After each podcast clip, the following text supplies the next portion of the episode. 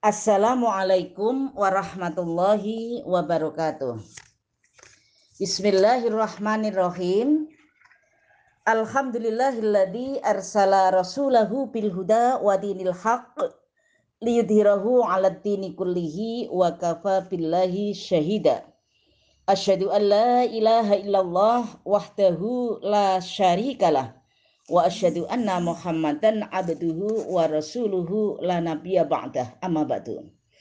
Adik-adikku mar'ah solihah rumah sakit Fastapi Sehat yang dirahmati Allah. Alhamdulillah wa syukurillah pada kesempatan yang baik ini kita masih diberi kesempatan oleh Allah bisa beraktivitas dan insya Allah kita ini dalam kondisi sehat bebas dari COVID-19.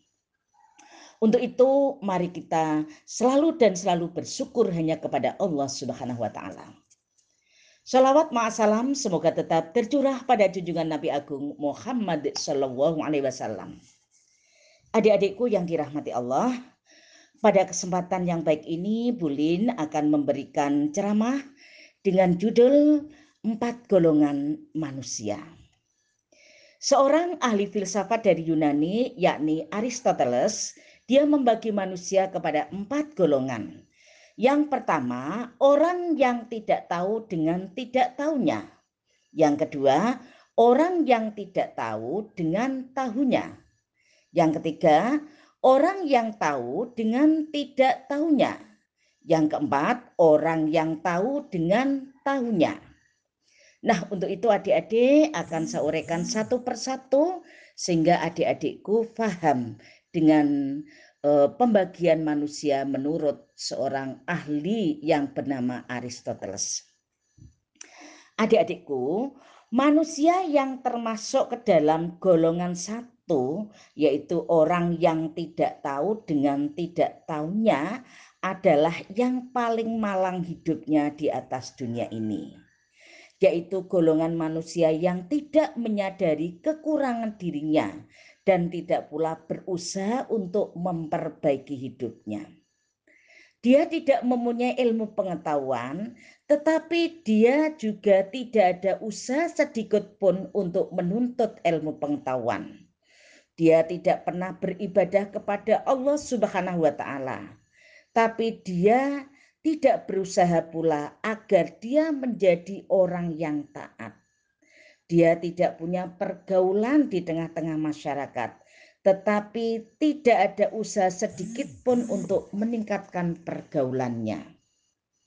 Dia menyadari bahwa kehidupannya sangat miskin dan melarat, duafa. Tapi dia tidak giat berusaha mencari rezeki.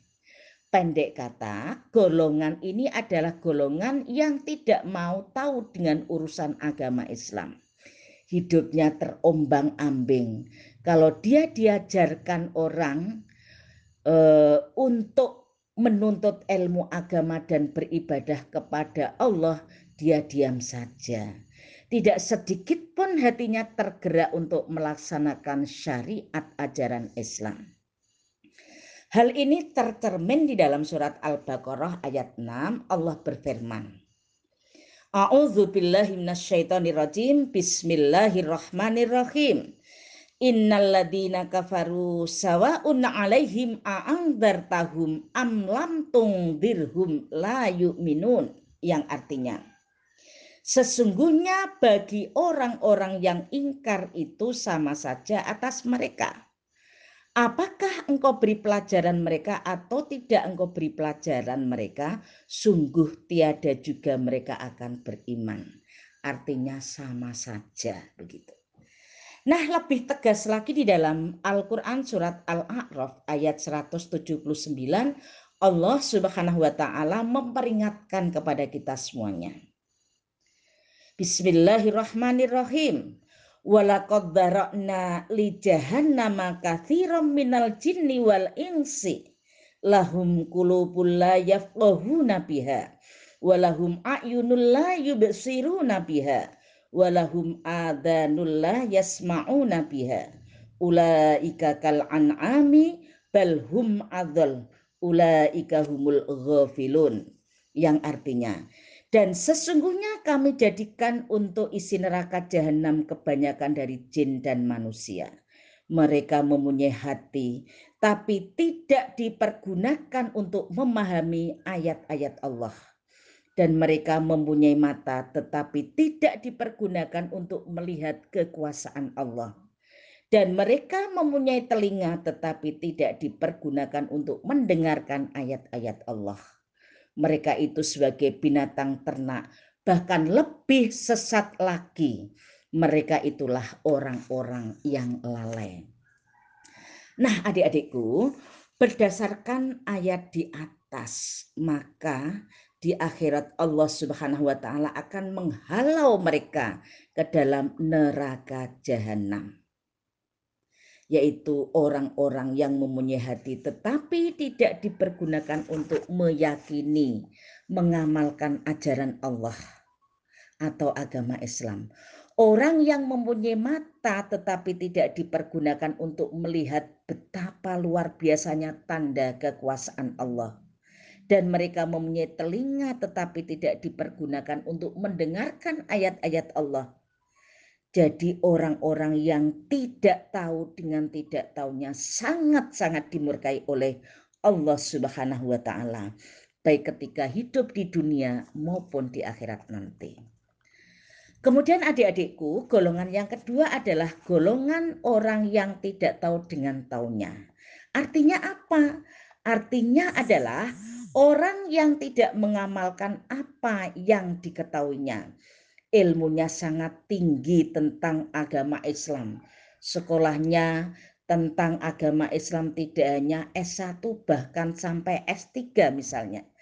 Tetapi pengamalannya pun tidak hanya itu saja tetapi harus diamalkan di masyarakatnya. Tetapi mereka tidak mau mengamalkan. Tidak ubahnya manusia seperti ini laksana sebatang pohon yang besar daunnya lebat tetapi tidak berbuah sedikit pun. Jangan coba-coba bicara soal agama Islam kepadanya. Pastilah ia lebih pintar daripada kita. Tetapi pengamalannya nol besar. Walaupun ia ilmunya tinggi tetapi kita tak pernah melihat ia mendirikan sholat. Berpuasa di bulan Ramadan. Apalagi membantu anak yatim maupun yatim piatu menolong fakir miskin, membantu orang-orang yang susah dan menolong orang-orang yang membutuhkan pertolongan.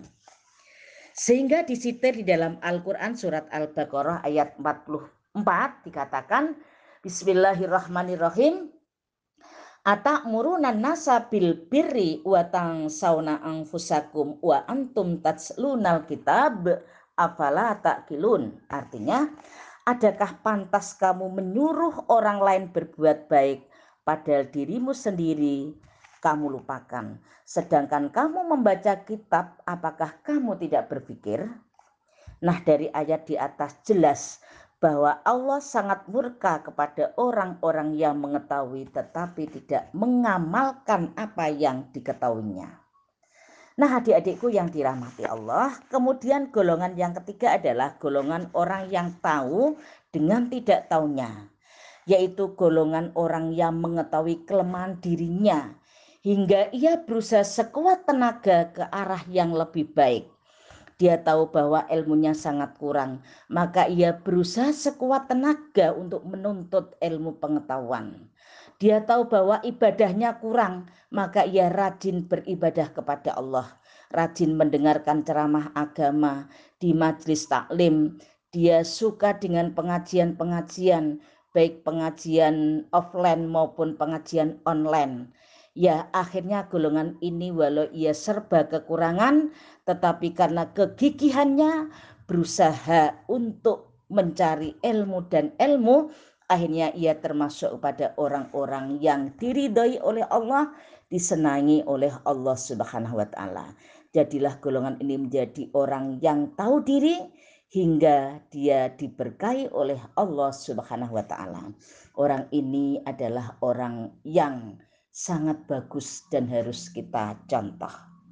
Nah, adik-adikku yang dirahmati Allah, kemudian yang terakhir adalah golongan yang keempat. Ialah golongan orang yang tahu dengan taunya yaitu golongan orang yang mengamalkan apa-apa yang diketahuinya. Ilmunya tinggi sekolahnya tinggi dia suka membaca buku-buku dan amal kebaikannya pun juga banyak lebih tepat golongan ini adalah golongan orang yang beriman dan mengerjakan amal soleh. Sebagaimana di dalam Al-Quran, yaitu di dalam surat Al-Baqarah ayat 25 disebutkan. A'udzu billahi minasyaitonir rajim. Bismillahirrahmanirrahim. Wa basyiril ladina amanu wa amilus solihati anna lahum jannatin tajri min tahtihal anhar al ayah. Yang artinya berilah kabar gembira kepada orang-orang yang beriman dan orang-orang yang mengerjakan amal soleh. Untuk mereka kami sediakan surga yang mengalir air sungai di bawahnya dan juga di dalam surat Al-Kahfi disebutkan Bismillahirrahmanirrahim Innalladzina amanu wa amilus solihati kanat lahum jannatul firdausi nuzula. Yang artinya sesungguhnya orang-orang yang beriman dan beramal soleh. Mereka akan menempati surga firdaus sebagai tempat tinggal selama-lamanya. Nah untuk itu adik-adikku eh, mar'as solehah rumah sakit pastabik sehat yang saya cintai dan saya banggakan paling tidak kita harus berusaha dengan sekuat tenaga jadilah orang atau golongan orang yang ketiga dan juga lebih bagus menjadi golongan orang yang keempat tadi. Yang ketiga, dia kurang pinter, dia menyadari kekurangannya, dia berusaha untuk mencari kekurangannya itu dengan jalan mencari ilmu. Ilmu itu di mana saja banyak sekarang ini.